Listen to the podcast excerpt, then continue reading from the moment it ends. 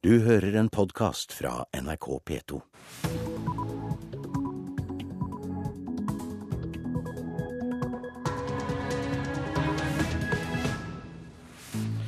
Vi ønsker velkommen til første Nyhetsmorgen i 2013. Nå klokka 6.30 onsdag 2. januar så har vi disse overskriftene. De rikeste 2 av amerikanerne får høyere skatt etter vedtaket i USAs kongress i natt. Thanks to the votes of Democrats and Republicans in Congress, uh, I will sign a law that raises taxes on the wealthiest 2% of Americans while preventing a middle class tax hike that could have sent the economy back into recession and obviously had a severe impact on families all across America. President Barack Obama. Her hjemme mener folk flest at Høyre har den beste økonomiske politikken. Arbeiderpartiet kommer på andreplass. Tradisjonelt så har det jo ofte vært Høyre og Arbeiderpartiet som har snakket mest om økonomisk politikk og trygge arbeidsplasser. Så Sånn sett så er det ikke så rart at velgerne deler seg mellom Høyre og Arbeiderpartiet, og jeg gleder meg over at eh, flest peker på Høyre. Jan Tore Sanner, nestleder i Høyre. Voldelige spill er bra for evnen til å lære. Forskning viser at voldelige dataspill er hjernetrim, og at spillerne oppnår bedre evne til å lære, resonnere og fatte beslutninger. Og 270 000 nordmenn har sluttet å røyke siden røykeloven kom. Nå lanseres eh, ny kampanje for å få enda flere til å legge tobakken på hylla. I studio i dag, Øystein Heggen. Ja, budsjettkrisen i USA er midlertidig avverget etter at også Representantenes hus i Kongressen i natt vedtok budsjettavtalen. Men vedtaket betyr at de folkevalgte må finne nye løsninger innen de neste to månedene. Under this law, more than 98% of Americans and 97% of small businesses will not see their income taxes go up. President Barack Obama lista opp mange gode sider ved avtalen som representanthuset krangla seg fram til i natt, men la deretter med stort alvor vekt på det arbeidet som gjenstår før USA kan håpe på ro rundt statsbudsjettet. Så langt er det bare skattedelen av budsjettavtalen som er i havn, og politikerne må nå innen utgangen av februar finne løsninger for utgiftssida av budsjettet. Det mye omtalte budsjettstupet ligger der altså fremdeles og truger noen veker fram i tid. Til videre har de folkevalgte i Washington gitt seg sjølve og omverdenen et pusterom, akkurat i tide til å unngå store skjell på børsene når de åpner i dag. Avtalen i natt betyr at det store flertallet av amerikanere ikke får skatteøke, slik de var truga av, mens de aller rikeste, de med familieinntekter godt over to millioner kroner, må betale mer til det offentlige.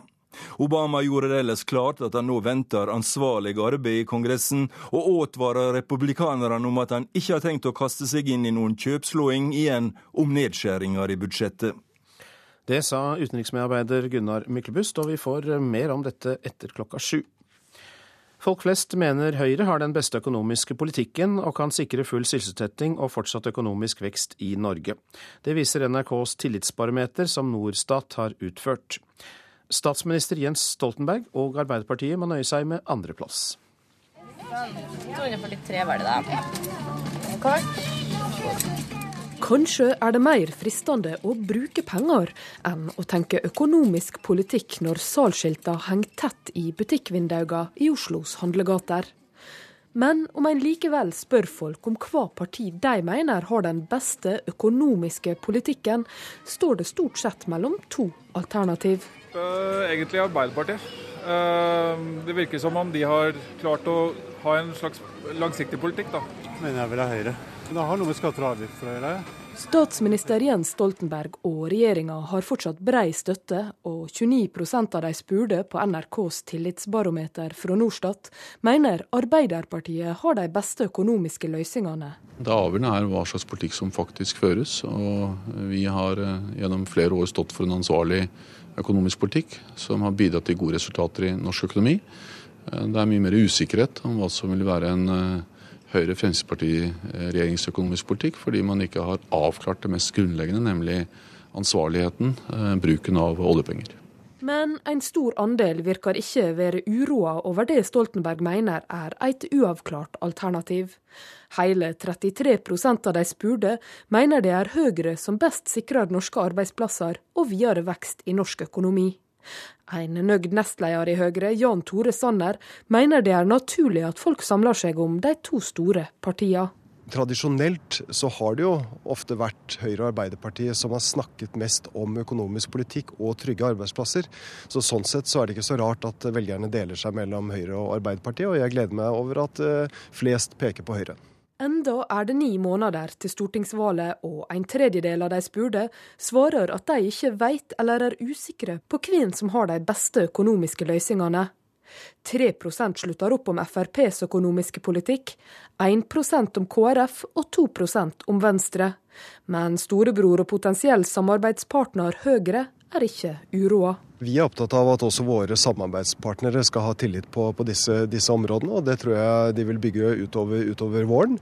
Men utgangspunktet for Høyre er eh, svært godt, eh, og jeg tror Arbeiderpartiet får en veldig tung valgkamp eh, hvis de skal prøve å bygge ned Høyres tillit frem mot neste høst. Høyres nestleder Jan Tore Sanner, reporter var Ellen Sporstøl. I morgen lanserer Helsedirektoratet en røykekuttkampanje. Siden det ble forbudt å røyke på norske utesteder i 2004, så har antall røykere i Norge sunket med 270 000 personer. Anne Hafstad, du er avdelingsdirektør for nasjonalt folkehelsearbeid i Helsedirektoratet. Og har vi ikke da kommet langt nok? Nei, Vi er jo ikke det. Vi ligger på 17 eh, daglige røykere i Norge. Altså, og det er eh, f.eks. betydelig høyere enn eh, i Sverige, som ligger nede på rundt 12% Hva har de gjort, da? Eh, nei, de har vel gjort litt mer av eh, det vi vet virker. Altså, vi vet jo at det som, eh, som virker, er flere tiltak sammen. Kampanjer er ett av flere tiltak. Tilgjengelighet vet vi er viktig for barn og unge og for nyrekruttering. Det samme gjelder pris. Ehm, så vi har jo gjort veldig mye bra i Norge. og andelen, altså Vi har jo halvert andelen røykere det siste tiåret når vi snakker dagligrøykere. Av og til-røykerne er litt mer kinkige. Der vet vi fortsatt at 11 eh, av befolkningen røyker av og til. Men dagligrøykerne, 17% er for høyt, og det må vi prøve å gjøre noe med. Ja, For å være litt slem med røykerne, så kan det vel hende at det er mest pris og forbud som virker, ikke så mye kampanjer? Kampanjene støtter jo opp om de andre tiltakene, og kampanjene bidrar til å, å, å sette søkelyset på tobakk, og det bidrar til og sette søkelyset på de hjelpetiltakene som fins, ikke minst. ikke sant? Fordi det er hjelp å få. Det er kanskje en av de viktigste tingene vi har å komme med nå på nyåret til alle de som har bestemt seg for å slutte, slutte på nyåret. Ring røyketelefonen 800 485. Gå inn på slutta.no. Det er hjelp å få. Eh, og alle som har bestemt seg for å, å røyke, de aller fleste klarer det hvis de bare vil det nok. Men du, skal eh, snuserne også til pers? Altså overbevises om å ikke legge sin pris med snus bak leppa lenger? Det er jo ikke noe smart å snuse heller. Altså, dokumentasjonen på at snus også er helseskadelig, er, eh, er god. Eh, samtidig så skal vi være helt ærlige på at snusing er mindre helseskadelig enn eh, røyking. Men det er klart at vi ønsker også å få ned andelen snusere, særlig fordi vi ser at andelen som snuser, er noe økende i de yngre aldersgruppene. og Det bekymrer oss. Ja, Det er noe dere ønsker, men ikke noe som er en del av denne kampanjen? Ikke den kampanjen som Nei. kommer i morgen. Men du, eh, helt konkret, du sa at de skal få mer hjelp, og røyketelefonen har vi jo hatt. Hvilke andre ting er det som skal hjelpe? Jeg går ut fra at hver røyker skal ikke få noen eh, personlig coach? Nei, men det vi gjør i Helsedirektoratet nå, er at vi utdanner stadig flere Eh, røykeavvennere eh, rundt i norske kommuner forbundet med disse frisklivssentralene som kommer i stadig flere kommuner. I Sverige så har de en sertifiseringsordning for folk som skal drive med røykeavvenning. Den har vi tatt til Norge. Eh, og vi er Gjennom 2012 hadde vi mange inne Eh, ut til opplæring, og vi setter i gang igjen nå på nyåret. Så Det er jo et av de konkrete tiltakene. At, at coacher skal være tilgjengelig i norske kommuner, sånn at man får hjelp. Og så vet vi jo at eh, de som ønsker å slutte å røyke, de klarer det bedre med hjelpemidler som tyggegummi, nikotinlegemidler, legemidler som du må til legen for å få på resept osv. Eh, og så trenger man støtte fra de rundt. Så min oppfordring er jo at alle som kjenner en røyker som har lyst til å slutte, Eh, støtte opp om å, å bidra og komme med positive oppmuntringer. Det er en viktig del av det hele. Ok, og kampanjen lanseres altså i morgen. Takk skal du ha, Anne Hafstad, som altså er avdelingsdirektør for nasjonalt folkehelsearbeid i Helsedirektoratet. Nå til eh, voldelige dataspill, eh, for det er nemlig god hjernetrim, viser forskning. Spillerne oppnår bl.a. bedre læringsevne, beslutningsevne, og de kan få bedre oppmerksomhet. Det skriver Vårt Land. Å innta rolla som førstepersonsskytter i et dataspill kan gi bedre evne til å lære, ta avgjørelser og resonnere. I hvert fall dersom en skal tro forskning fra det amerikanske magasinet Scientific American Mind. Undersøkelsene de gjorde, gikk ut på å gjennomføre ulike merksomhetsoppgaver på en dataskjerm. Deltakerne som spilte mye dataspill, greide seg bedre enn de som ikke spilte. Undersøkinga viste òg at ivrige dataspillere har bedre evne til å se detaljer i rotete omgivnader, noe som er viktig for å kunne lese godt. Men psykolog Bente Arntzen advarer og sier at mye spilling over tid gjør at de negative effektene overskugger de positive. For barn kan det bety at de ikke utvikler sosiale evner, ifølge Arntzen. Det sa reporter Katrine Nybø. Så litt om det avisene skriver. Et knippe nyttårsbarn er avbildet på Aftenpostens forside. Avisa skriver at de nyfødte kommer til å spise sunnere, leve lengre og oppleve endringer utenfor vår fatteevne. Nyttårsbarnet skal utvises, det er oppslaget i Fedrelandsvennen. Madina i Mandal ble Sørlandets nyttårsbarn, men myndighetene har bestemt at firebarnsfamilien skal utvises til Tsjetsjenia.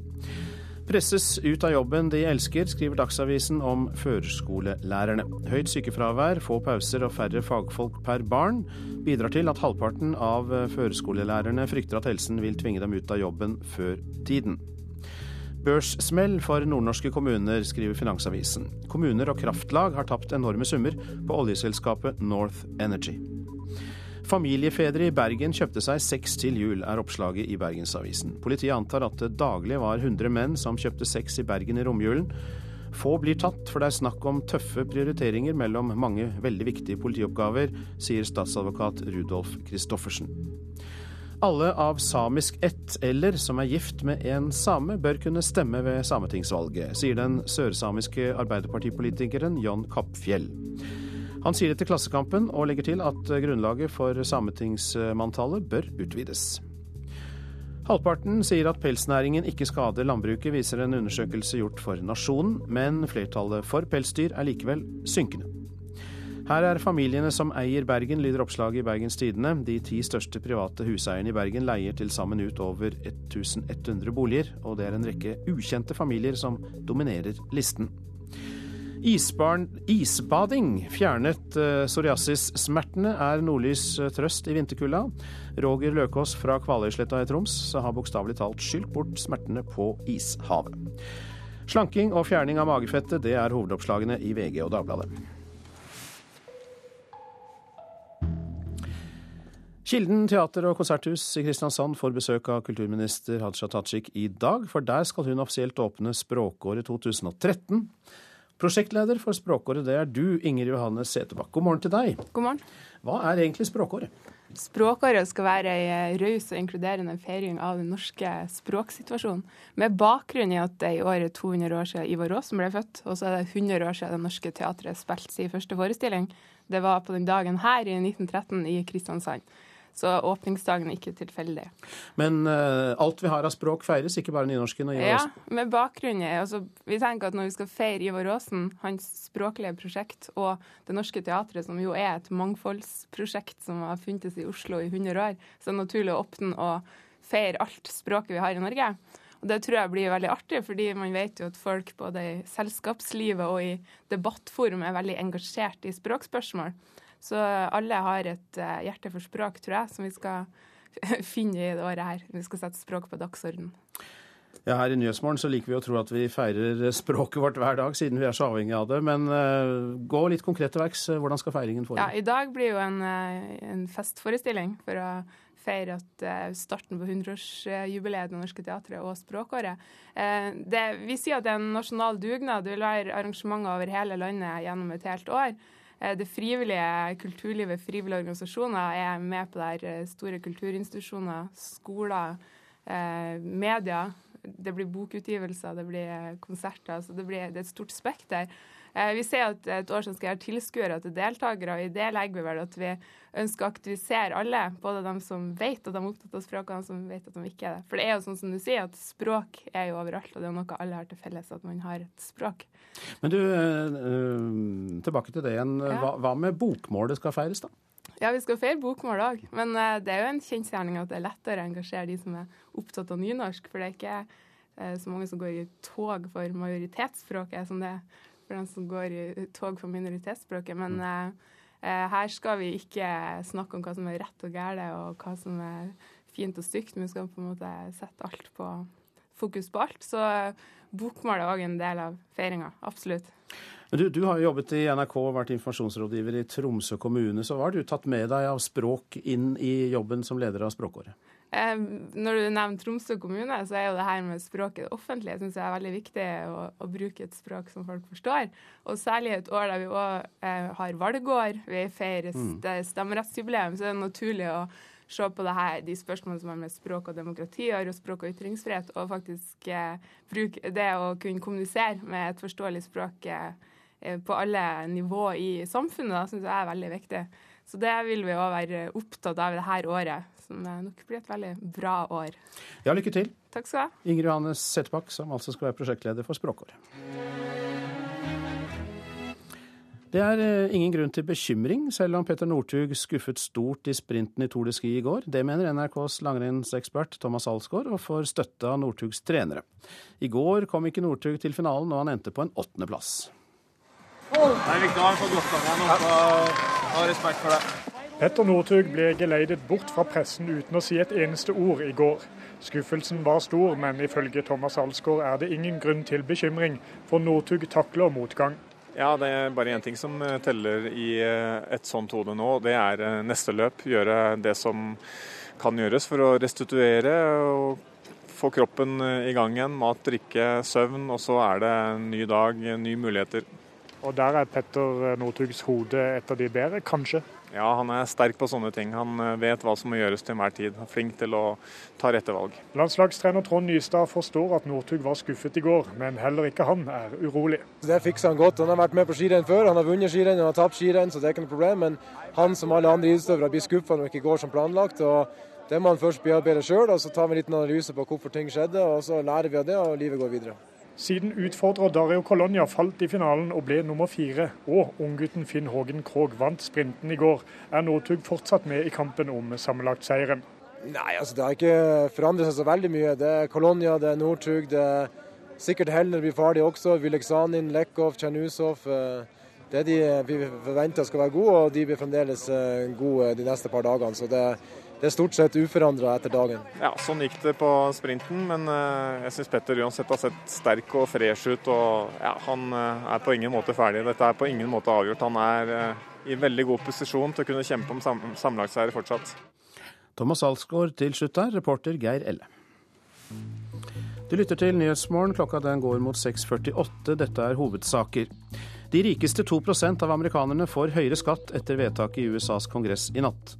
Høyre har den beste økonomiske politikken, mener et flertall i en meningsmåling. Arbeiderpartiet kommer på andreplass. Og voldelige dataspill er god hjernetrim og bedrer evnen til å lære, resonnere og fatte beslutninger, viser forskning. Nå om pålagt måling av radioaktivitet. Alle kommuner skal nemlig måle radonnivået i sine bygg innen utgangen av 2013. NRK har spurt alle kommuner i Buskerud, og det viser seg at det bare er åtte som kan dokumentere ferske målinger. De kommer ikke til å rekke fristen, tror radonekspert John Bakke. Den nye forskriften som sier at alt skal være både målt og gjort tiltak innen utgangen av 2013, så vinteren nå i vinter er siste mulighet. Så de har veldig dårlig tid på seg, rett og slett. Jon Bakke måler radonnivået og hjelper til med å redusere konsentrasjonen i private og offentlige bygg. Den nye forskriften gjelder fra 1.1.2014 og skal sørge for at alle kommunale bygg ikke har mer enn 200 becquerel per kubikkmeter luft. Hvis nivået er over 100 becquerel, må det reduseres. Men den sier også at det skal være så lavt som mulig. Så, så, vi ønsker at man skal se på om det er mulig å gjøre tiltak, sånn at eh, det blir så lavt som mulig. Hvorfor kommer den nye forskriften? Det er fordi eh, det ikke har blitt gjort så mye i skoler og barnehager. Vi ser at det er, eh, er behov for å, å, få økt fokus på det. Eh, og også en, ja, en, tydeliggjøring av grenseverdiene som tidligere ikke har stått spesifikt i forskriften. Det sier Ingvild Finne i Statens strålevern.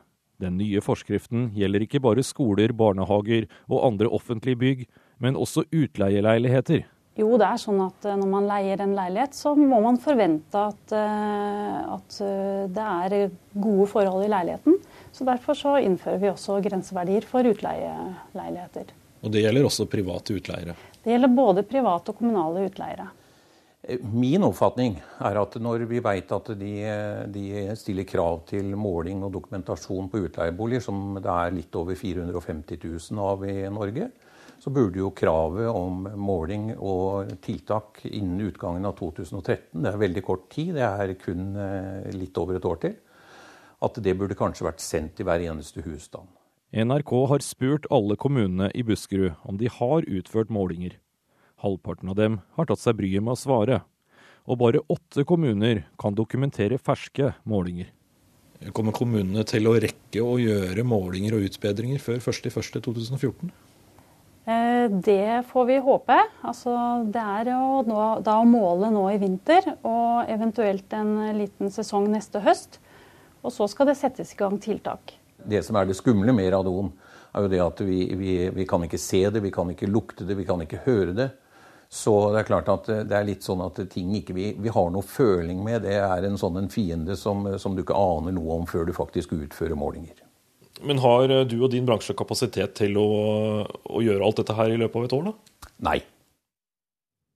Reporter her, Knut Brendhagen.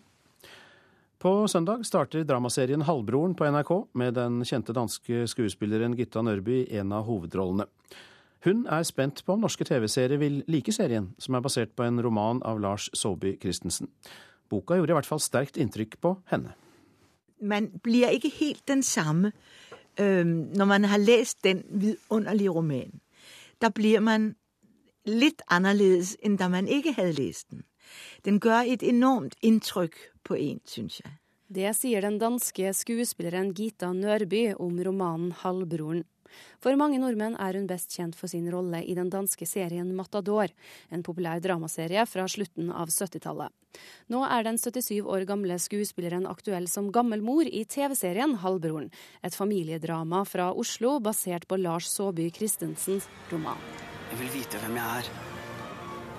Du er Fred Nilsen. Han ville finne ut om det han hadde gjort, var riktig eller gærent. Skal jeg drepe faren din for deg, Barnum? Han sa han hadde drept to mennesker.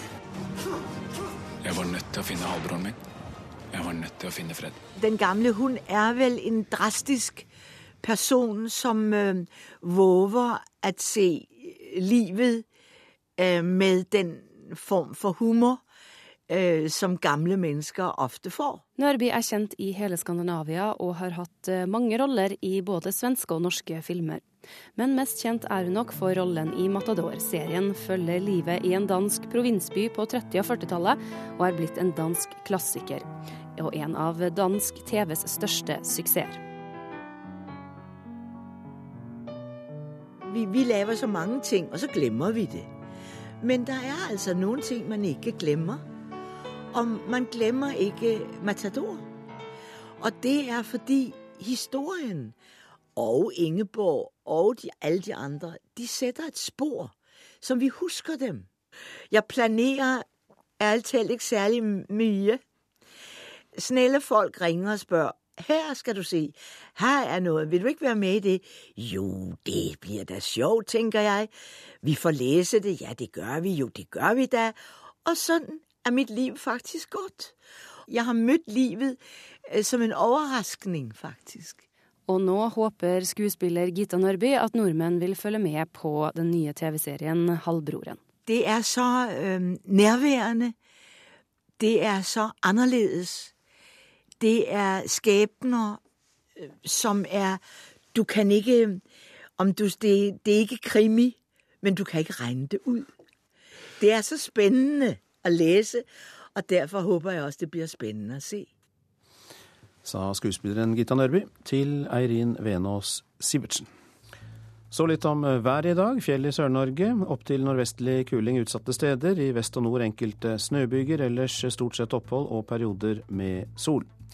Østlandet og Telemark enkelte snøbyger nord for Oslo. Seinere opphold og litt sol. Agder først på dagen liten kuling vest for Lindesnes. Opphold og noe sol.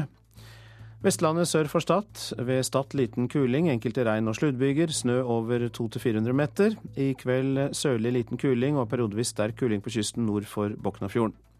Regn og snø over 300-500 meter. Møre og Romsdal regnbyger, snø over 300-500 meter. Lettere vær i ettermiddag. I kveld sørlig liten kuling på kysten. Seint i kveld stiv kuling og regn fra sør. Trøndelag litt sludd eller snø av og til. Regn på kysten. I kveld sørlig opp i frisk bris og lettere vær. Nordland i sør enkelte snøbyger skal det være. Regnbyger i ytre strøk. Ellers opphold. Fra i ettermiddag enkelte sluddbyger i ytre strøk, også i resten av området. Troms får pent vær i dag, men noe mer skyet i grensetraktene. I kveld enkelte sludd- eller snøbyger, mest i ytre strøk. Vest-Finnmark med vidda. Spredte snøbyger i kyst- og fjordstrøkene, ellers stort sett opphold. Fra utpå dagen til dels pent vær. Øst-Finnmark først på dagen litt snø lengst i øst, ellers opphold. Nordensjøland på Spitsbergen spredt snø i øst, ellers oppholdsvær. I kveld sørvestlig bris og litt snø.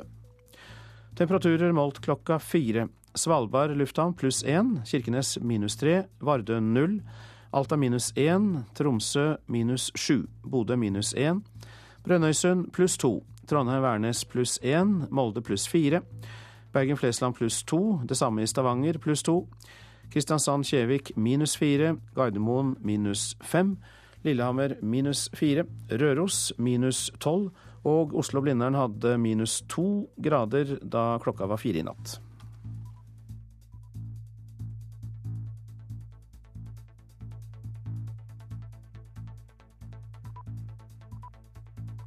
Du hører en podkast fra NRK P2.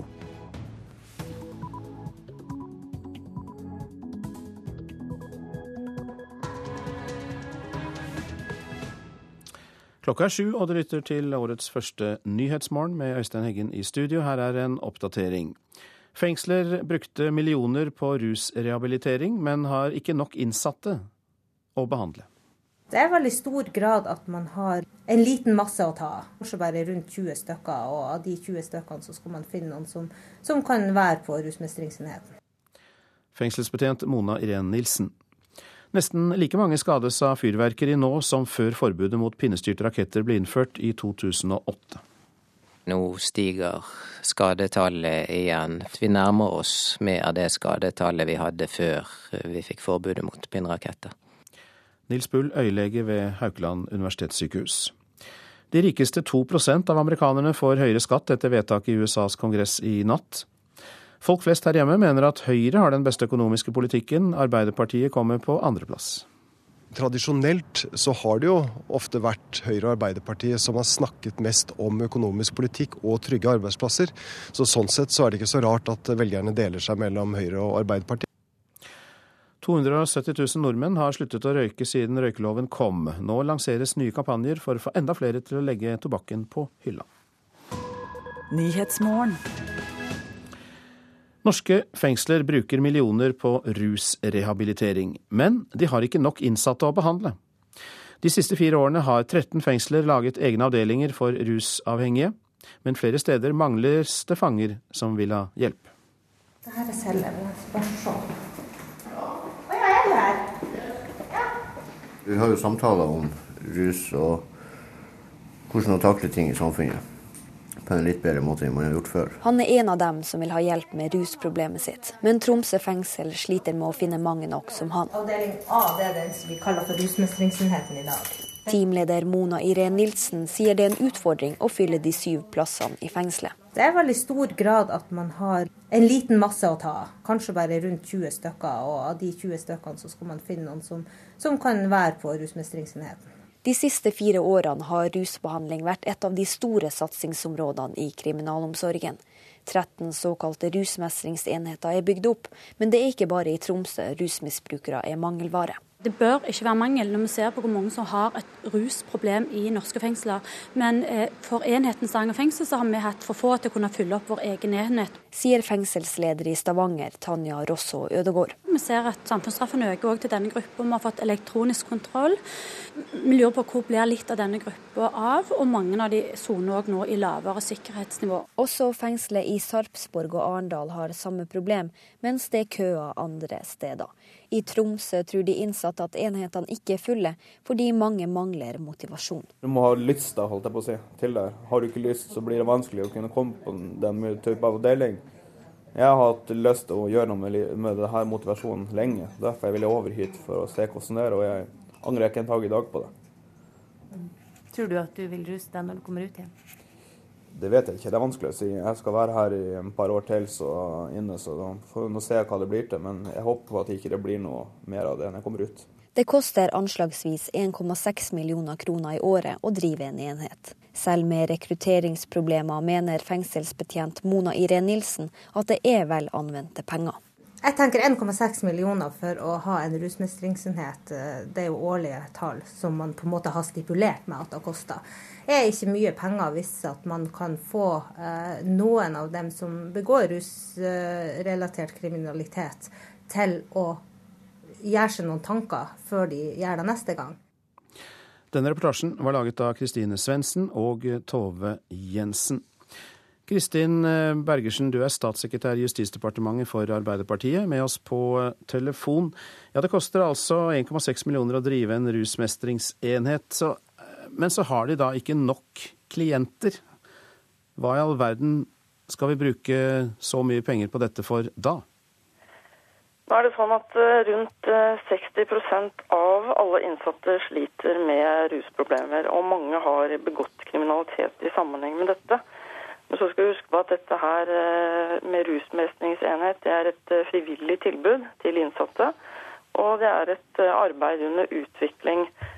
Og eh, Rusmestringsenheten den kan bidra til å, å, gi rehabilitering og behandling som kan gjøre da innsatte bedre i stand til å mestre rusproblemet og egen livssituasjon i fengsel og ute i samfunnet etter rent opphold. Og Målgruppen er da de som har et rusproblem, som ønsker hjelp og behandling for dette. Og det er viktig at de må være motivert til å ta imot en slik behandling, og at de må ønske det selv. Eh, nå er det også slik at 300 innsatte har fått dette tilbudet. Eh, og vi ser at det er noen av disse rusmestringsenhetene som har problemer med rekruttering.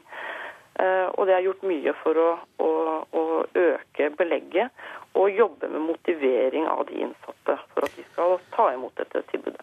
Ja, det er vel og bra. Det er helt sikkert eh, en god del da som har hatt eh, nytte av dette frivillige tilbudet, som har vært et satsingsområde for Justisdepartementet. Men eh, når det nå viser seg at det likevel ikke er nok til å fylle opp plassene, kan det da bli snakk om å kutte og spare penger? Vi skal evaluere enhetene i, i løpet av 2012 Eh, eller i løpet av 2013. Eh, kriminalomsorgens utdanningssenter er i gang med denne evalueringen. Eh, og da vil vi selvfølgelig få noen svar på hvordan de fungerer. Men det er også viktig at dette er et samarbeid mellom Justis- og, og Helsedepartementet. Og vi har sett et behov for å lage noen sentrale føringer, og, slik at modellene kan fungere godt landet over. Og Helsedirektoratet og kriminalomsorgen er også i gang med å utarbeide en, en faglig veileder for uh, disse enhetene. Sånn at vi gjør en jobb med å uh, forsterke uh, jobben med å motivere innsatte til å ta imot tilbudet, samtidig som vi skal evaluere dette. Og det er, er viktig å gjøre dette samtidig.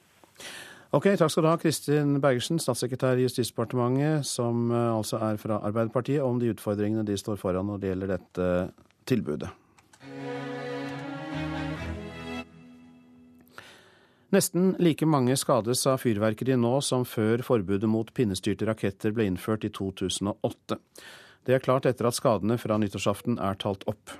Likevel vil ingen politiske partier forby fyrverkeri helt og holdent.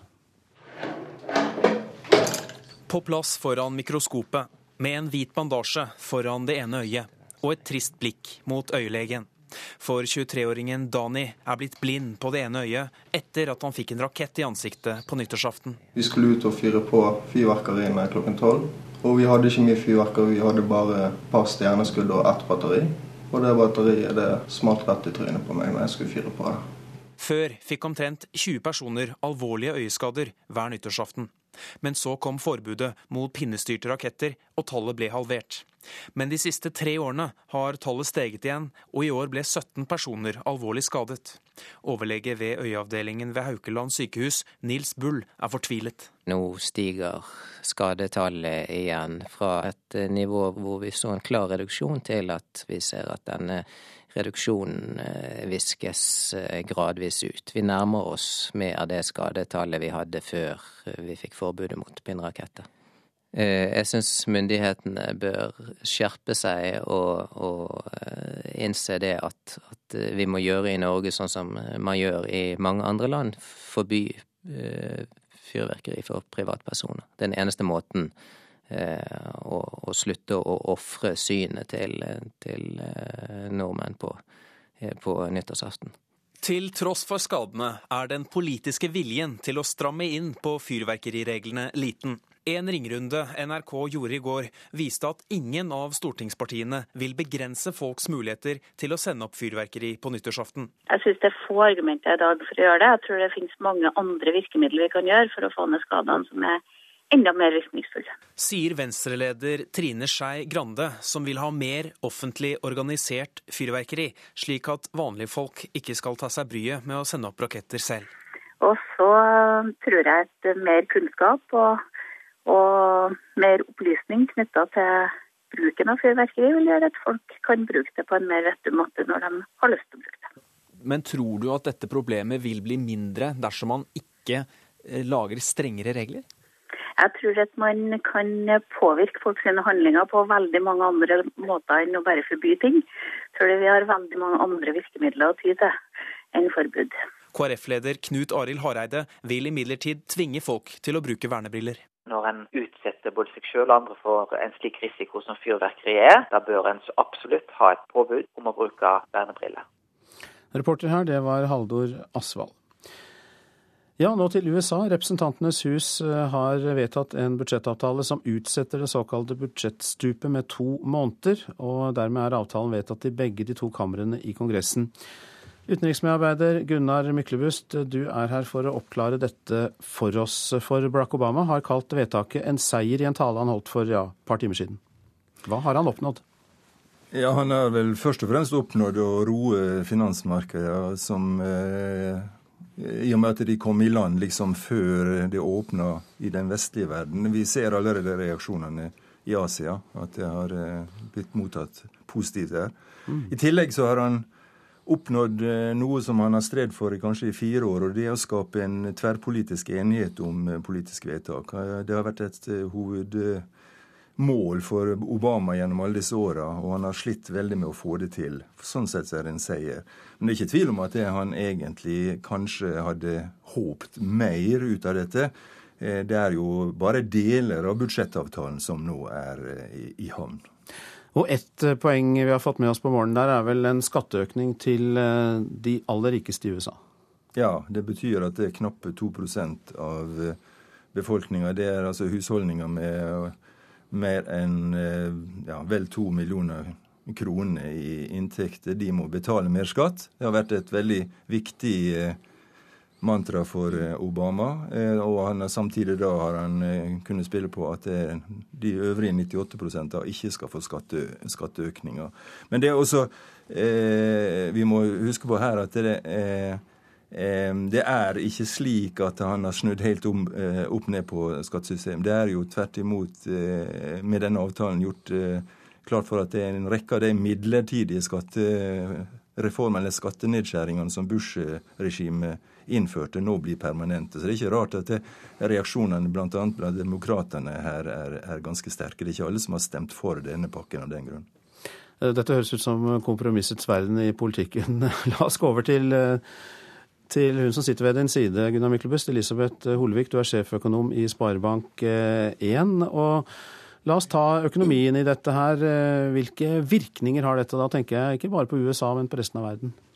Først og fremst så er det jo et tegn på hvor stor gjeldsoppbyggingen har vært de siste årene i den vestlige verden. En ser at den veien både Europa USA, Japan er på, ikke er bærekraftig. Eh, og det vil bli eh, stor usikkerhet fremover. det selvpålagte gjeldstaket må løftes innen eh, ca. to måneder. Ellers vil USA få problemer med å betale tilbake de lånene de allerede har tatt opp. Så det vil fortsatt være en, en, en slags gjeldskrise i de vestlige verden. Der en må øke skattene. Offentlig sektor må redusere utgiftene. Og alt det vil jo dempe veksten. I tillegg så vil en måtte fortsette med de ekstraordinære stimuleringstiltakene med rekordlave renter. Og sentralbankene vil fortsette å trykke penger. En ser jo at Japan er, nå kommer for fullt med å trykke penger for å løse krisen sin. Så, men det vi da har fått med oss, er jo at eh, Obama har fått gjennomslag for eh, skatteøkninger blant de rikeste. Så det, det ligger jo der. Men som jeg skjønner på deg, så er dette gjeldsåket mm. det viktigste og det vanskeligste. Ja, fordi en, en ser at uh, befolkninga i USA og den vestlige verden blir eldre. Uh, og den den eh, retningen som den eh, statsfinansene er, er ikke bærekraftige. Så alle vet at skattene må øke, og offentlig sektor må redusere utgiftene. Og det vil bremse veksten. Og det, det gjør at den usikkerheten om hvordan vil dette skje, eh, hva vil skje, det gjør at folk blir litt forsiktige. Bedriftene blir litt forsiktige. Og det ligger jo inne i prognosene om at det vil bli en svakere vekst også i USA framover enn det vi ellers ville hatt. Gunnar Myklebust, du har jo eh, vanket i Washington som korrespondent, og, og, du kan kanskje fortelle oss eh, hvordan, eh, hvor livlig det blir der nå de nærmeste to månedene. For de, de, har jo ikke da blitt enige om alt. Så, så nå får vi, får vi, en sånn ny fiscal cliff, altså at man kan komme til å stå foran stupet om to måneder igjen? Ja, som Holvik sier, at det, det, er jo kanskje det vanskeligste tinga som ligger igjen. Og det er vel den store frustrasjonen nå, at dette er det politiske eh, temaet i Washington. Eller kanskje Eh, helt fram til sommeren, eh, der eh, Obama gjerne ville brukt tida til helt andre politiske emner, som han har, han har, våpenlovene som han gjerne vil gjøre noe med, han har immigrasjon altså Det er en rekke ting som nå blir satt på vent fordi det er så tidsforbrukende å jobbe med, med disse, her, disse her spørsmålene. Og det er kanskje det vanskeligste. Det er, det er faktisk et tankekors. Det, det kanskje ikke var skatt skatteøkningene republikanerne, opposisjonen i Kongressen, var mest opptatt av. Men det, det er først og fremst å, å, å sørge for nedskjæringer på, ut, på utgiftssida. Eh, Holvik, eh, hvilke virkninger har det som har skjedd i USA? Ja, har det noen virkning på norsk økonomi? Ja, Først og fremst så er det jo det at alle har rekordlav rente og trykker penger, de landene som er i krise, gjør jo at den norske krona er rekordsterk. Det igjen gjør at Norges Bank ikke kan sette opp renta for å dempe press i norsk økonomi. For det går jo svært godt i norsk økonomi. Det er rekordinvesteringer i oljesektoren. Leverandørsektoren går veldig godt, og flere og flere eksportbedrifter vrir seg over til å levere til enten oljesektoren eller offentlig sektor. Så det går godt i Norge. Det er lav arbeidsledighet, eh, og lønnsveksten kommer sikkert til å bli romslig også i år. Og da å ha en kriserente også i Norge det kan jo skape noen utfordringer på sikt. Men det er klart i et valgår så er ikke det så mange som har lyst til å gjøre noe med akkurat det. da. Mange takk for at dere opplyste oss om dette. Elisabeth Holevik, sjeføkonom i Sparebank1, og Gunnar Myklebust, utenriksmedarbeider her i NRK. Dette er Nyhetsmorgen. Klokka den går mot 7.17. Dette er hovedsaker. Nesten like mange skades av fyrverkeri nå som før forbudet mot pinnestyrte raketter ble innført i 2008. De rikeste 2% av amerikanerne får altså høyere skatt etter vedtak i USAs kongress i natt, men det er ikke noe enighet om hvordan man skal få ned gjeldsbyrden. Folk flest mener at Høyre har den beste økonomiske politikken, Arbeiderpartiet kommer på andreplass. I dag er dagen, i løpet av hele året, de fleste søker jobb. Det er et markant hopp, spesielt i jobbsøk. Nesten én av ti av de som er i arbeidsfør alder, ser seg om etter ny jobb eh, nå, ifølge søkemotoren rubrikk.no. Og da er det vel slik at mange tenker på hvordan det nye året kan bli bedre og annerledes enn det forrige, tror daglig leder der, Adil Osmani. Det virker som at folk etter nyttår har en eh, forventning om at det er nytt år, nye muligheter, og dermed ser folk seg etter eh, nye steder å jobbe. Så det er helt tydelig at første arbeidsdag, når folk kommer tilbake fra nyttårsaften med nyttårsforsetter og ønske om en annen hverdag, så setter de seg ned og begynner å søke. Nyutdannet som journalist er Susanne Sundby en av omtrent 230 000 som i dag kikker etter ny arbeidsgiver. Ja, jeg har nå søkt eh, jobb i to måneder ca. Søkt jobb som journalist og videojournalist. Og det ikke, har ikke vært så mye ledige stillinger. Men jeg ser faktisk at det er altså Jo nærmere det har nærmet seg nyttår, jo flere stillingsannonser har vært ute. Det er søkemotoren rubrikk.no som har oversikt over landets stillingsannonser og hvor mange som klikker seg inn på dem. Og akkurat i dag er det altså spesielt mange som bruker deler av arbeidsdagen til å se på andre jobber, ifølge Adil Osmani i rubrikk.no. Det er helt klart det den dagen i året hvor det er flest mennesker som setter seg ned foran PC-skjermen, hvor de da kanskje burde jobbet, hvor de heller ser etter andre jobber. Én av ti arbeidsføre kikker i dag på andre jobber. Det folk eh, søker mest på, er da spesielt innen olje og offshore, for der er det ganske høyt trykk i arbeidsmarkedet. Og så er det mye økonomer som er ute og ser seg etter nye områder. Det kan være ledelse, gjerne folk som har ambisjoner om å hoppe ett steg opp. Det kan være helt vanlige stillinger, men felles for alle er at hvor det er stramt i arbeidsmarkedet, vil folk se seg etter muligheter sier Adil Osmani, men det er også flere stillingsannonser ute akkurat nå. Innenfor personlig tjenesteyting, i helsesektoren, i industrien og innenfor bygg og anlegg er det nå størst økning i stillingsannonser. Så da har vi telt alle stillingsannonser som er utlyst på samme tid i fjor og på samme tid i år. Og Det viser da en vekst på nesten 40 innen bygg og anlegg, og det er enormt sier Osmani, som er daglig leder i rubrikk.no. Men det er ikke økt etterspørsel i alle bransjer, og ikke i mediebransjen. Susanne Sundby merker at det er stor rift om journalistjobbene. Ja, her f.eks. stillingen som journalist i Newswire er nå besatt, og du nådde ikke opp i denne runden. Takk for at du viser interesse for stillingen. Så, og noen så får jeg ikke svar engang. Så, og noen venter jeg på. Det er jo mye konkurranse blant journalister, så jeg satser på Jeg håper på å få en jobb, da. Reporter Linda Reinholdsen. God morgen til deg, Tor Vennesland.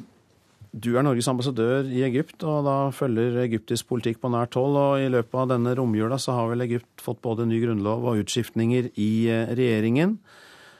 Og, eh, men vi vet jo at president Mohammed Morsi har hatt sine problemer eh, med opposisjonen, og det har vært protester mot ham. Hvordan prøver regjeringen å sikre seg bredere støtte nå? Ja, Den eneste måten de kan gjøre det på, eh, etter grunnlovsavstemningen hvor få folk deltok, en tredjedel, og hvor flertallet var to tredjedeler, men det er likevel tynt stemmegrunnlag, det er å innlede en bred dialog med opposisjonen. Det har de nok tenkt å gjøre. Eh, men det er en ganske stor kløft i egyptisk politikk for tiden. Det er en økende grad av skepsis til Morsi og Det muslimske brorskap. Ikke bare fra liberale og fra kristne, men også fra muslimske kretser. Hva er de mest kontroversielle paragrafene, da?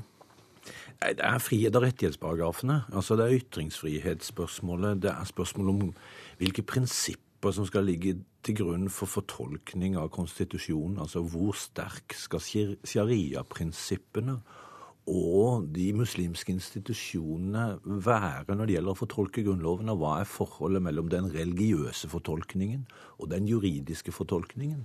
Dette er ting man må klare opp i, og det er en rundt 15 paragrafer det dreier seg om som eh, man må gå inn i nærmere. Den dialogen begynte så vidt før jul, eh, og den må nå komme i gang, og man må ha disse avklaringene på plass før det forventa parlamentsvalget i månedsskiftet februar-mars. Men har Det muslimske brorskap eh, vist seg da å være mer konservativt enn mange hadde ventet på forhånd, eller burde man skjønt det? Ja, nei Det som er greia her, det er at uh, man har et, en, en, et sentrum i det muslimske brorskap som er politiske, eller som er realpolitikere. Så har man et periferi som er tungt religiøst motivert når det gjelder å ta politiske beslutninger og som eh, er sterk når det gjelder stemmetall. Og det er klart at eh, Morsi og hans folk har en viss begrensa handlingsrom internt i eget parti, på den ene sida, og i forhold til mer ytterliggående muslimske bevegelser, eh, salafister og andre, på den andre sida. Så her er spillerommet lite. På den andre sida har du de liberale, som er dårlig organisert, ikke klarer å mobilisere mange stemmer, men som er sterke på det prinsipielle. Så det er en dyp kløft her, og det er, det er komplisert å håndtere. Du, Før jul så samlet du noen hjemme hos deg til lunsj i Kairo. Hva, hva skjedde der? Nei, altså, Nå er det jo sånn at uh, jobben til en diplomat i Midtøsten er jo å drikke mye te. Um, og uh, det må en jo gjøre for å finne ut hva som skjer. Og det vi gjorde da fra norsk side 17.11, var at vi raska sammen det som var av politiske bevegelser og representanter for de, og tok de hjem uh, i embetsboligen og hadde en samtale med de på et par timer. Det, det som var det som var fokus der, var rett og slett å spørre det veldig enkle spørsmålet hva hadde tenkt å gjøre nå, da? Eh, og hvordan hadde tenkt å komme ut av den situasjonen der er i. Der er, altså, det er veldig interessant når du sitter med den typen folk rundt et bord på den måten, for det var ikke gjort uh, på det tidspunktet vi gjorde det, og ingen hadde fått det til. Det var jo at alle spenningene kommer holdt jeg på å si, midt i forretten. Mm. Uh, og, og vi gikk ut med de samme spenningene som det vi hadde da vi begynte. Men, men viktige, den viktige konsensusen eh, rundt det bordet er jo at alle må snakke sammen for å få løst konstitusjonsproblemene. Og uten at du får løst de, så har du et helt politisk system som er i ulage. Um, så jeg tror det kommer til å skje. Og hvis ikke det skjer, så har vi et problem. Vi har uansett en utfordring når det gjelder den egyptiske økonomien hvor det er dårlig med reserver igjen. Eh, den er oversubsidiert.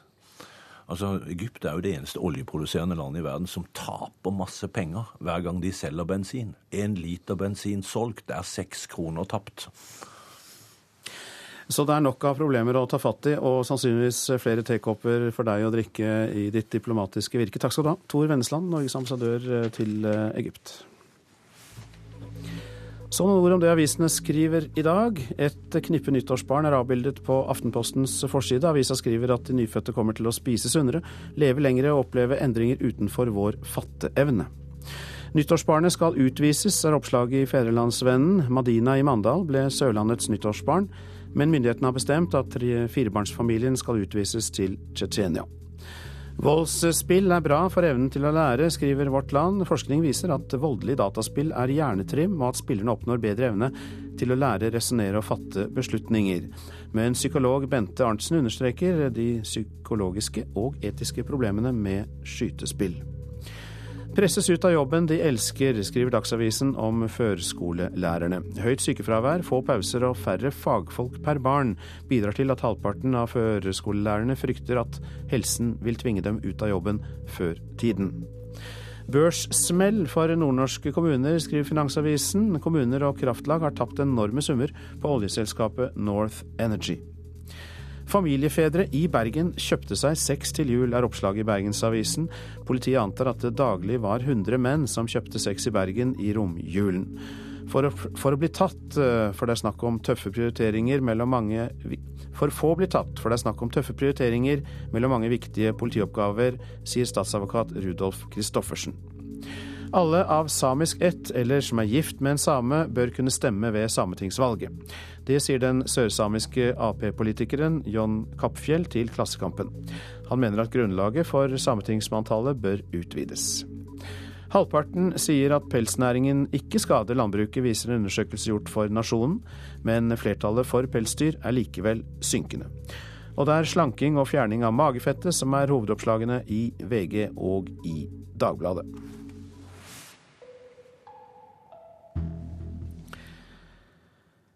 2012 ble det verste rusåret i Hordaland-trafikken på elleve år. Det viser tall fra Hordaland politidistrikt. I Nordhordland har politiet aldri stoppet flere rusede bilister enn i fjor. Politiet mener flere tragiske ulykker har ført til at flere varsler om rusede trafikanter. Det er noe av det mest tragiske vi opplever. Lensmann Einar Vatne tilbake på plassen der 2012 starta på den verst tenkelige måten. En 30 år gammel mann omkom i møte med en rusa bilfører her i Eikangervåg i Lindås. Bare to timer inn i det nye året. Vel en måned senere skjedde det igjen på den samme veistrekninga på E39. Det var de edru bilførerne som ble drept, og det var to rusa førere som var årsak til ulykkene. Når lensmannen oppsummerer året som starta så brutalt, har politiet i regionen tatt flere rusa bilførere enn noen gang. Nesten dobbelt så mange som i 2011. For Hordaland politidistrikt under ett må en tilbake til 2002 for å finne sist like mange rusa førere ble stoppa. I utgangspunktet så eh, virker jo det dramatisk. Politimester Geir Gudmundsen sier politiet ikke har utført flere kontroller. Men inntrykket hans er at publikum har blitt flinkere til å melde fra til politiet. Det betyr at eh, sånn sett så tror vi at vi har fått luket ut eh, flere av de som kjører nå i 2012, enn det som vi kanskje har fått gjort før.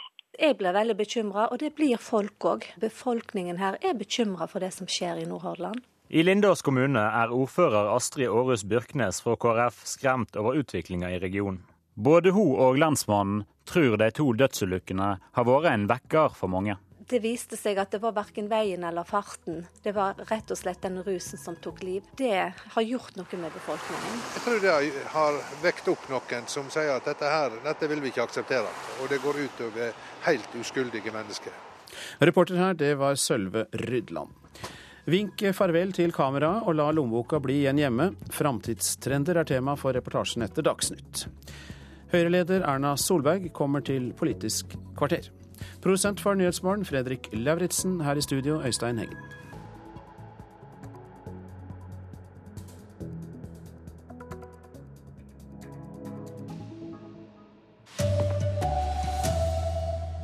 Norske fengsler bruker millioner på behandling av rusavhengige, men sliter med å fylle opp plassene.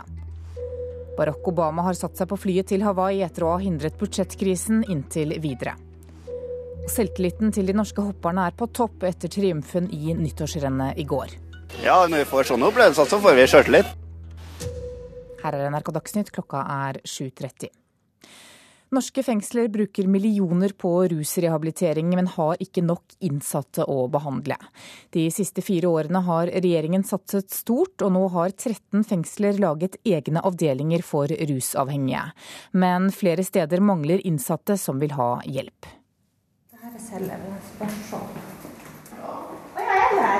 Vi har jo samtaler om rus og hvordan å takle ting i samfunnet på en litt bedre måte enn man har gjort før. Han er en av dem som vil ha hjelp med rusproblemet sitt, men Tromsø fengsel sliter med å finne mange nok som han. Avdeling A det er den som vi kaller for rusmestringsenheten i dag. Teamleder Mona Irén Nilsen sier det er en utfordring å fylle de syv plassene i fengselet. Det er veldig stor grad at man har en liten masse å ta av. Kanskje bare rundt 20 stykker. Og av de 20 stykkene så skal man finne noen som, som kan være på rusmestringsenheten. De siste fire årene har rusbehandling vært et av de store satsingsområdene i kriminalomsorgen. 13 såkalte rusmestringsenheter er bygd opp, men det er ikke bare i Tromsø rusmisbrukere er mangelvare. Det bør ikke være mangel når vi ser på hvor mange som har et rusproblem i norske fengsler. Men eh, for enheten Stavanger fengsel så har vi hatt for få til å kunne fylle opp vår egen enhet. Sier fengselsleder i Stavanger, Tanja Rosso Ødegård. Vi ser at samfunnsstraffen øker òg til denne gruppa. Vi har fått elektronisk kontroll. Vi lurer på hvor blir litt av denne gruppa av, og mange av de soner òg nå i lavere sikkerhetsnivå. Også fengselet i Sarpsborg og Arendal har samme problem. Men de 1,6 millionene det koster å drive en enhet i året, er vel anvendte penger, mener Mona Irén Nilsen i Tromsø. Jeg tenker 1,6 millioner er ikke mye penger hvis man kan få eh, noen av dem som begår rusrelatert kriminalitet, til å gjøre seg noen tanker. Statssekretær Kristin Bergersen forsvarer ordningen med at den er svært viktig for de som selv ønsker å bruke et fengselsopphold til å bli rusfri. Ifølge henne så sliter 60% av de innsatte med rusproblemer. Og reportere her var Kristine Svendsen og Tove Jensen. Budsjettkrisen i USA er avverget inntil videre. I natt vedtok også representanthuset i Kongressen budsjettavtalen. Men vedtaket betyr at de folkevalgte må finne nye løsninger i løpet av de neste to månedene. Under this law, more than 98% of Americans and 97% of small businesses will not see their income taxes go. President Barack Obama lista opp mange gode sider ved avtalen som Representanthuset krangla seg fram til i natt, men la deretter med stort alvor vekt på det arbeidet som gjenstår før USA kan håpe på ro rundt statsbudsjettet. Så langt er det bare skattedelen av budsjettavtalen som er i havn, og politikerne må nå innen utgangen av februar finne løsninger for utgiftssida av budsjettet. Det mye omtalte budsjettstupet ligger der altså fremdeles og truger noen veker fram i tid. Til videre har de folkevalgte i Washington gitt seg sjølve og omverdenen et pusterom, akkurat i tide til å unngå store skjelv på børsene når de åpner i dag. Avtalen i natt betyr at det store flertallet av amerikanere ikke får skatteøke, slik de var truga av, mens de aller rikeste, de med familieinntekter godt over to millioner kroner, må betale mer til det offentlige. Obama gjorde det ellers klart at han nå venter ansvarlig arbeid i Kongressen, og advarer republikanerne om at han ikke har tenkt å kaste seg inn i noen kjøpslåing igjen om nedskjæringer i budsjettet. Det sa utenriksmedarbeider Gunnar Myklebust. Alle de 13 beboerne kom seg uskadd ut på egen hånd da det begynte å brenne i en boligblokk i Tromsø i natt. Brannen ble slukket i totida, men har forårsaket store skader, sier operasjonsleder Trond Amundsen i politiet. Det brant godt, og eh, brannen har etter all sannsynlighet eh, starta opp i tredje etasje.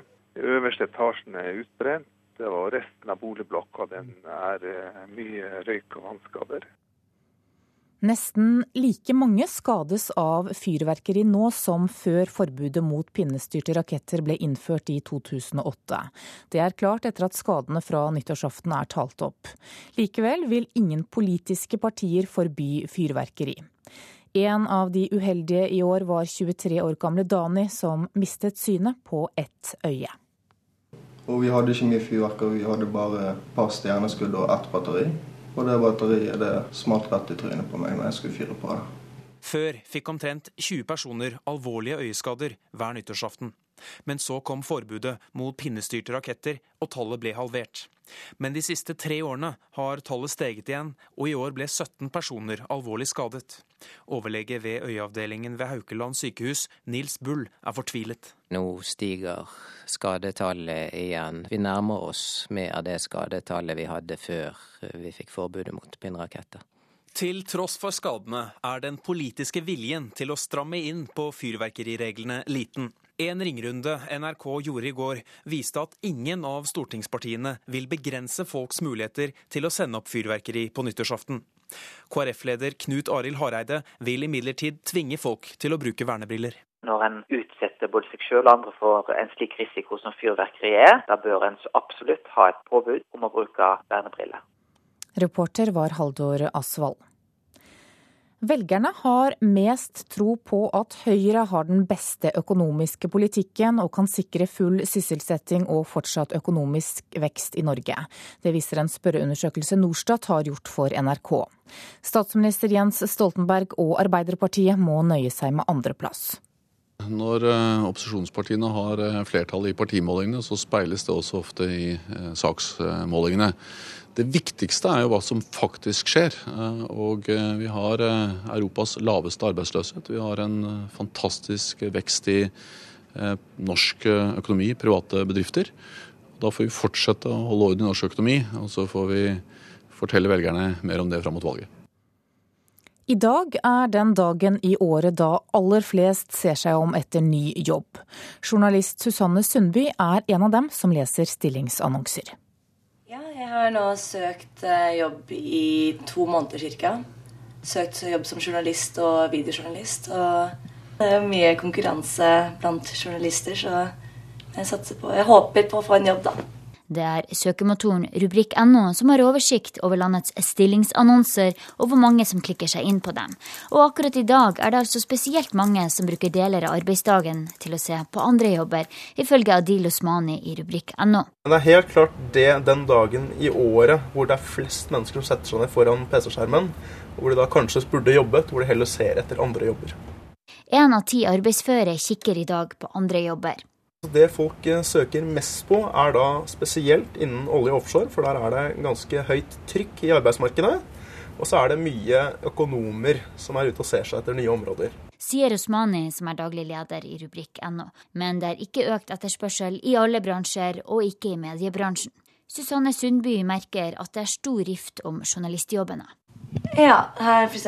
stillingen som journalist i Newswire er nå besatt, og du nådde ikke opp i denne runden. Takk for at du viser interesse for stillingen. Så, og noen så får jeg ikke svar engang. Så, og noen venter jeg på. Reporter var Linda Reinholdsen. Selvtilliten til de norske hopperne er på topp etter triumfen i nyttårsrennet i Garmisch-Partenkirchen i går. De sikret norsk første, tredje og fjerdeplass.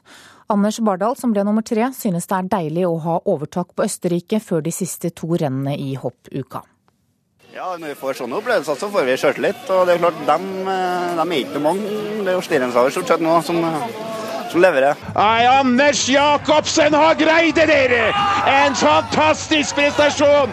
Har hoppet seg opp fra niendeplass til seier i Garmisch-Partenkirchen. Arne Skeie trodde nesten ikke det han så da Anders Jacobsen i går tok sin andre hoppukeseier av to mulige.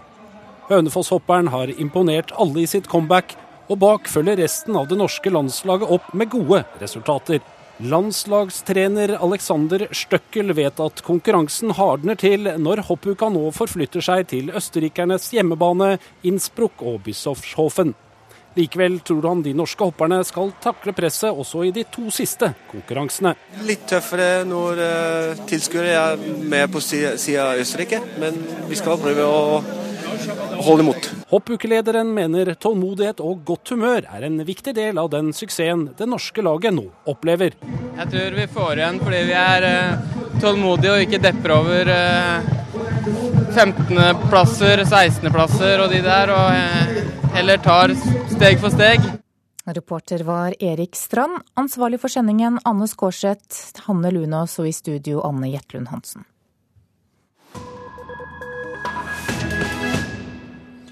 Nyhetsmorgen er programmet du lytter til. Syns du nettbrett og nye apper brakte menneskeheten et byks framover i 2012? Da har du mye å glede deg til i 2013, sier amerikanske teknologieksperter. Snart kan du bare vinke til nettbrettet ditt for å få det til å gjøre som du vil.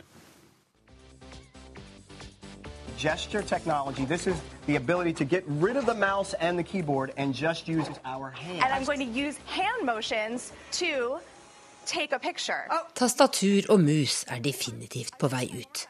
Snart trenger en ikke engang å trykke på nettbrettet sitt, forteller NBCs teknologieksperter Mario Armstrong og Carly Noblaus. 2013 blir året da en ved hjelp av håndbevegelser i løse lufta kan få en duppeditt eller et kamera til å gjøre slik en vil. Håndbevegelsesteknologi skal gjøre det mulig å peke på en skjerm i stedet for å ta på den. Og vil en ta et bilde av seg selv, kan en sette kameraet fra seg og bruke en håndbevegelse til å ta bildet. See how it's uh, zooming in? I'm going oh zoom the lens. So I'm framing up my picture. Let me try one more time. Eller til å zoome inn eller ut, forklarer Noblauch. Har vi bruk for dette? Ja visst, mener teknologiekspertene. Tenk deg at du f.eks. lager mat og bruker nettbrettet ditt som oppskriftsbok. Så praktisk å slippe å ta på skjermen med fingre fulle av brøddeig. Men 2013 vil selvsagt bringe enda mer skjellsettende teknologi inn i livene til amerikanere og andre verdensborgere. Snart kan lommeboka bli liggende igjen hjemme. Digitale lommebøker er mange kjent med allerede. Men ny teknologi som for alvor vil bli tatt i bruk i år, vil gjøre det farlig enkelt å betale med mobilen. Google Wallet, eller Googles lommebok, er allerede lansert. En kan lagre kredittkortopplysningene sine på mobilen, og ny near field-kommunikasjon gjør det mulig å betale med mobilen bare ved å holde den foran en terminal med en avleser. Dette virker kanskje ikke særlig trygt, Blant annet derfor dukker nå også Level Up opp. What's coming is this new technology called Level Up. I'm just going to wave it in front of this device that's at my retailer. Now it zapped my phone oh, and no. I paid with and my credit card. It did, but there's no credit card information in this app, so it's very secure. Denne betalingsteknologien tas i bruk i løpet av året av stadig flere butikkjeder i USA. Appen lager en såkalt QR-kode hver gang en betaler for noe, og den sørger for at kredittkortopplysninger ikke blir eksponert. Appen kan fjernstyres og slås av dersom telefonen din skulle bli stjålet.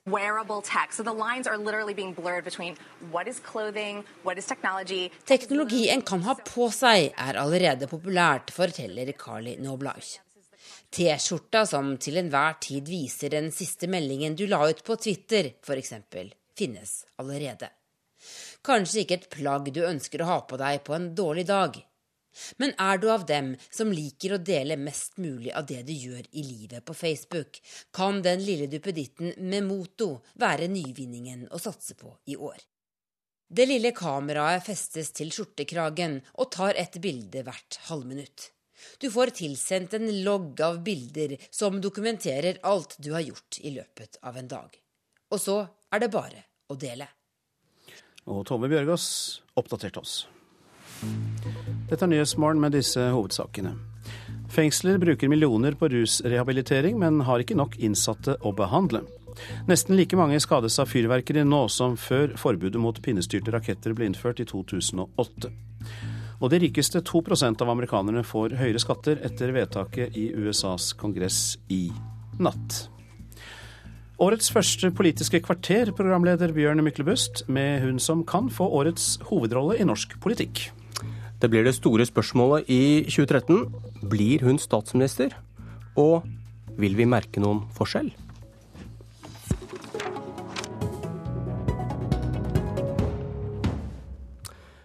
Godt nyttår, Høyre-leder Erna Solberg. Godt nyttår til deg òg. Stemmer det at du og familien allerede har begynt å planlegge livet i statsministerboligen? Nei, det har vi ikke. Tvert imot så har jeg forsøkt å si at vi ikke har noe fokus på det. For det ville, ville, være feil i forhold til alt det andre vi skal gjøre for i det hele tatt å begynne å vurdere det. Du har ikke sett en vegg du vil male blå? Jeg har aldri vært der. Jeg vet ikke hvordan det ser ut, og jeg har ikke tenkt på det. Hva er de viktigste grunnene til at velgerne denne gangen bør tro på et borgerlig regjeringsprosjekt? Fordi at eh, alle de fire borgerlige partiene har tydelig sagt at de ønsker en ny regjering etter valget til høsten. Og eh, vi har klart å samarbeide på flere og flere områder i løpet av denne stortingsperioden. Vi er ikke i mål med alt, men vi er kommet veldig langt, etter min mening. Men hva, hva leser du ut av det Siv Jensen sa i Aftenposten før jul, der hun sier at selvfølgelig skal ikke Jens være statsminister med borgerlig flertall, men det ligger fast at Frp ikke støtter en regjering de ikke er med i. Nei, altså, jeg oppfatter det sånn at Frp ikke vil være et støtteparti til en regjering de ikke sitter i. Det er deres standpunkt. Men at de vil bidra til å få til en ny regjering. Så er det jo sånn at alle politikere har ansvar for, eh, for å sikre at når det innsettes en regjering, at den regjeringen faktisk kan styres. Kan styre landet. Eh, men eh, alle partier kommer til å holde på sine posisjoner frem til eh, valgresultat og forhandlinger kommer. Men skulle du ønske at hun formulerte seg annerledes? For noen kan jo da mistenke at Frp ikke er noen garantist for en borgerlig regjering, for hun kan vel ikke si begge ting samtidig? Nei, men hun er nok eh, ganske tydelig på i dette intervjuet at eh, det er klart at det i valget mellom en borgerlig regjering og eh, en påstått rød-grønn eller Arbeiderparti-regjering, så er valget deres veldig klart. Men vet du, jeg syns at istedenfor å lete etter millimeterforskjellen i hvordan man formulerer seg, fordi alle partier har noen primærstandpunkt, så gleder jeg meg over at det er så mange av disse partiene som nå er så tydelige på at vi skal ha et regjeringsskifte. Og så er det den jobben som en ny regjering må gjøre, i å sørge for at alle partier på borgerlig side, eh, uansett hvem av de som sitter i regjering, eller forhåpentligvis alle fire kunne klart det, så må vi klare å føre en politikk som uh, gjør at uh, alle fire partier fortsatt ønsker den regjeringen. I jula har vi også fått med oss at Venstre ikke lenger vil stille et ultimatum ved oljeutvinning i Lofoten. Det er åpent for forhandlinger. Er du glad for det standpunktet? Det er jeg glad for. Og så er jeg glad for at vi skal eh, forhandle om viktige miljøspørsmål. Eh, sørge for å sikre at eh, en fremtidig utvikling i Lofoten og Vesterålen den skal ikke gå på bekostning av miljøet. Fordi få ultimatum gir best utgangspunkt for å klare å bli enige, eller? Ja, og det å stille mange ultimatum, eller enkelte veldig tydelige ultimatum i eh, opptakten til en valgkamp låser en posisjon. Jeg tror det partiet i Norge som eh, oppdaget det sterkest, det var før inn i valget i 1981, hvor Kristelig Folkeparti sa de kunne ikke sitte i en regjering som skulle styre på abortloven i Norge. De gikk inn i regjeringen to år senere. Det så, for de hadde egentlig med det vedtaket meldt seg ut av å kunne sitte i en regjering for lang fremtid i, i, i vårt land, og de så vel at det gikk ikke. Gjelder det du nå sier for handlingsregelen for bruk av oljepenger også? Det gjelder ikke for bruken av en ansvarlig, altså ha en ansvarlig økonomisk politikk. Eh, det er en absolutt det er et grunnlag for, for, Høyre å kunne sitte i regjering. Og så er det sånn at Handlingsregelen består av to viktige deler. Det ene er hvor mye penger vi bruker, det andre er hva vi bruker pengene på. Og jeg er opptatt av at en ny regjering skal få til å følge begge de to delene. Men det du sier er at Frp kan glemme å få gjennomslag for sitt syn hvis Høyre skal sitte i regjering? Jeg er helt sikker på at Frp kommer til å få lov å få gjennomslag for mye av det eh, som de er mest opptatt av, nemlig hva vi bruker pengene på men ikke det andre? Altså, vi må føre en økonomisk politikk som sørger for at uh, vekstkraften i Norge fortsetter. At vi videreutvikler kunnskapssamfunnet vårt. At vi sørger for at ikke arbeidsplasser flytter ut av landet i et tempo som gjør at vi ikke fornyer det og skaper nye arbeidsplasser også utenom oljesektoren. Og det er jo en av de store fremtidsutfordringene vi har.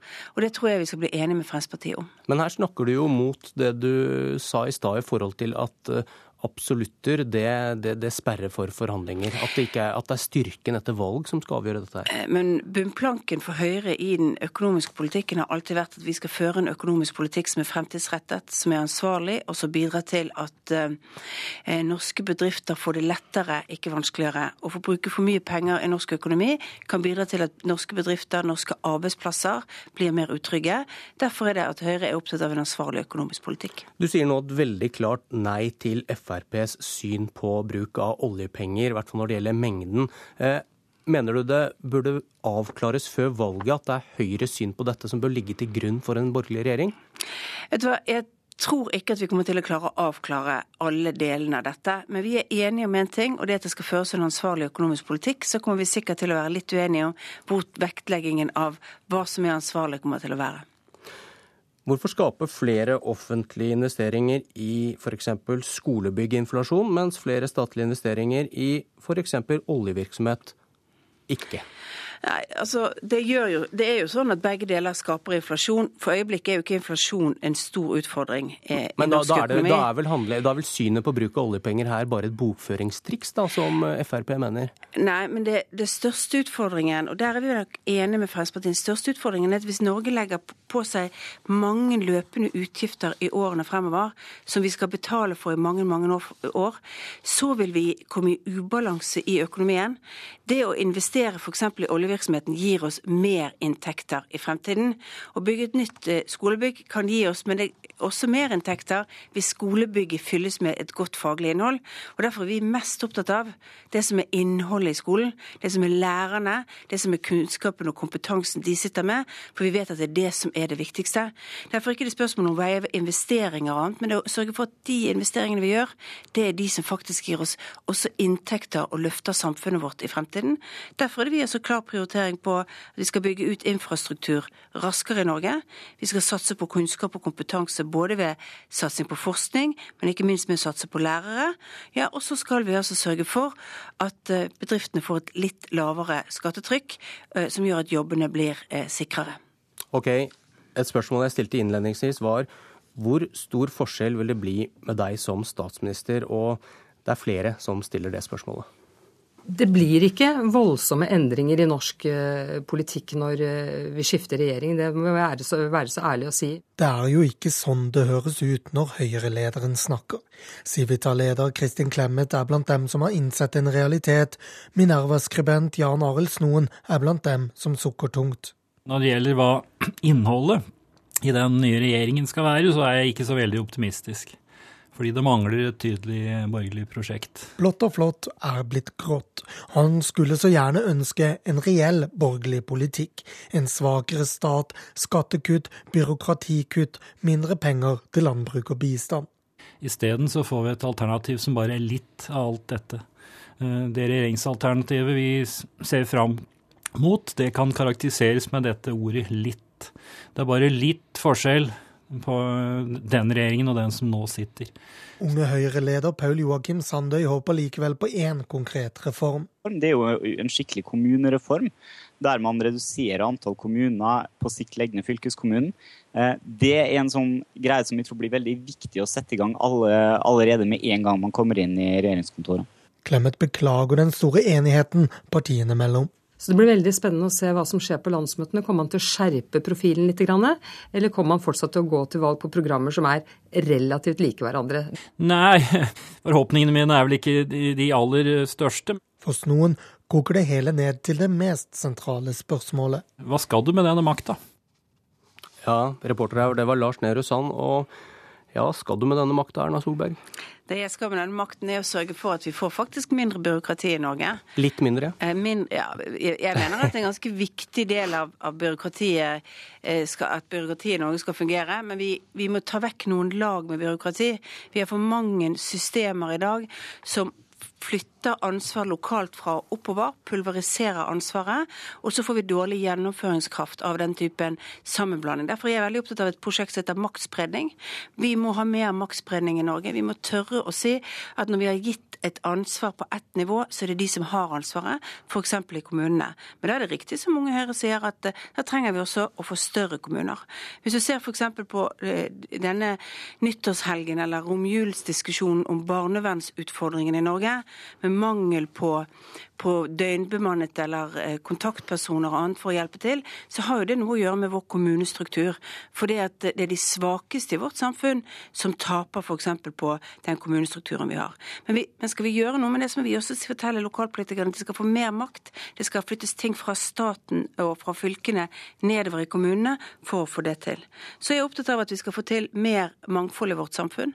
Mer valgfrihet.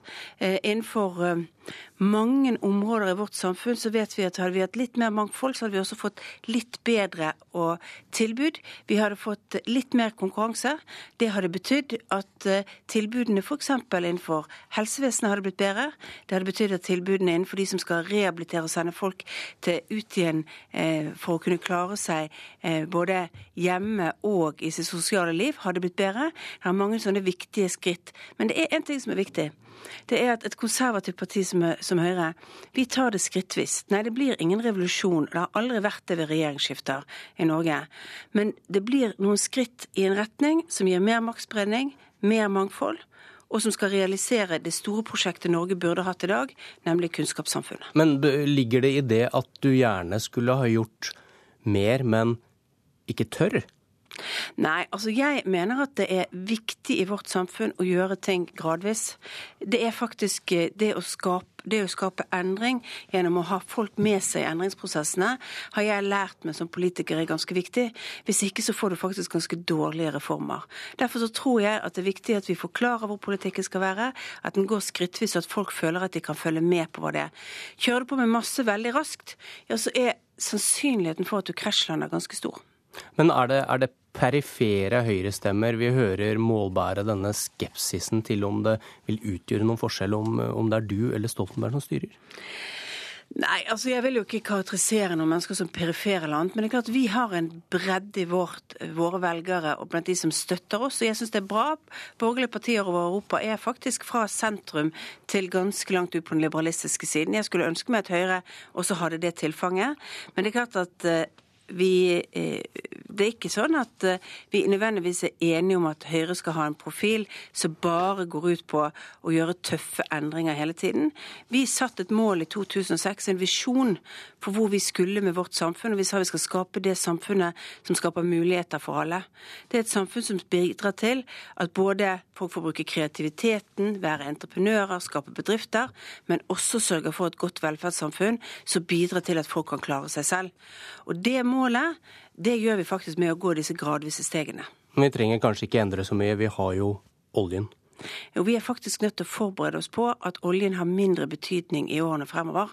Og jeg tror det er utrolig viktig at vi ikke lar oss eh, lure av at oljen kommer til å løse alle utfordringene våre i årene fremover. Det er jo en av de viktigste grunnene til at vi må satse så sterkt på skole og kompetanse som Høyre ønsker. Men noen mener jo da at det hadde vært framtidsretta f.eks. Å, å, å kutte noe i sykelønnsordningen for å få rette insentiver inn. Det skal lønne seg å jobbe, men at man ikke tør. Ja, altså Dette er en diskusjon som vi har hatt frem og tilbake. Først og fremst så er det sånn at partene i arbeidslivet sammen med staten har inngått en IA-avtale. Den avtalen har eh, nå begynt å gi resultater. Og det vi sa før forrige valg og valget før der, det er at så lenge den gir resultater, så skal ikke vi gjøre noe med sykelønnsordningen. Og jeg mener jo at når vi får resultater, så bør vi heller bygge på det, og så bør vi bygge på det samarbeidet for å få til de områdene vi ikke har resultater på. F.eks. de store antallet funksjonshemmede som står utenfor arbeidslivet arbeidslivet, og som ønsker å komme inn. Der er det jo faktisk sånn at sysselsettingsgraden blant funksjonshemmede har gått ned de siste årene, til tross for at vi har hatt en stor vekst i antallet arbeidsplasser. Så jeg mener jo at vi må passe på at vi ikke blir så prinsipielle at vi mister de gode resultatene, skaper mer konflikt enn det som er nødvendig. Må Oppnår vi målene med andre resultater, ja, så er det faktisk bra. Fortsetter du som Høyre-leder hvis det ikke blir borgerlig regjering etter valget? Vet du hva, Det har jeg ikke engang tenkt på. Det har jeg ikke tenkt å tenke på før etter valget i så fall. Sikker? Ja. Erna Solberg, takk for at du var med i Politisk kvarter. Dette var Politisk kvarter, og jeg heter Bjørn Myklebust. Du har hørt en podkast fra NRK P2.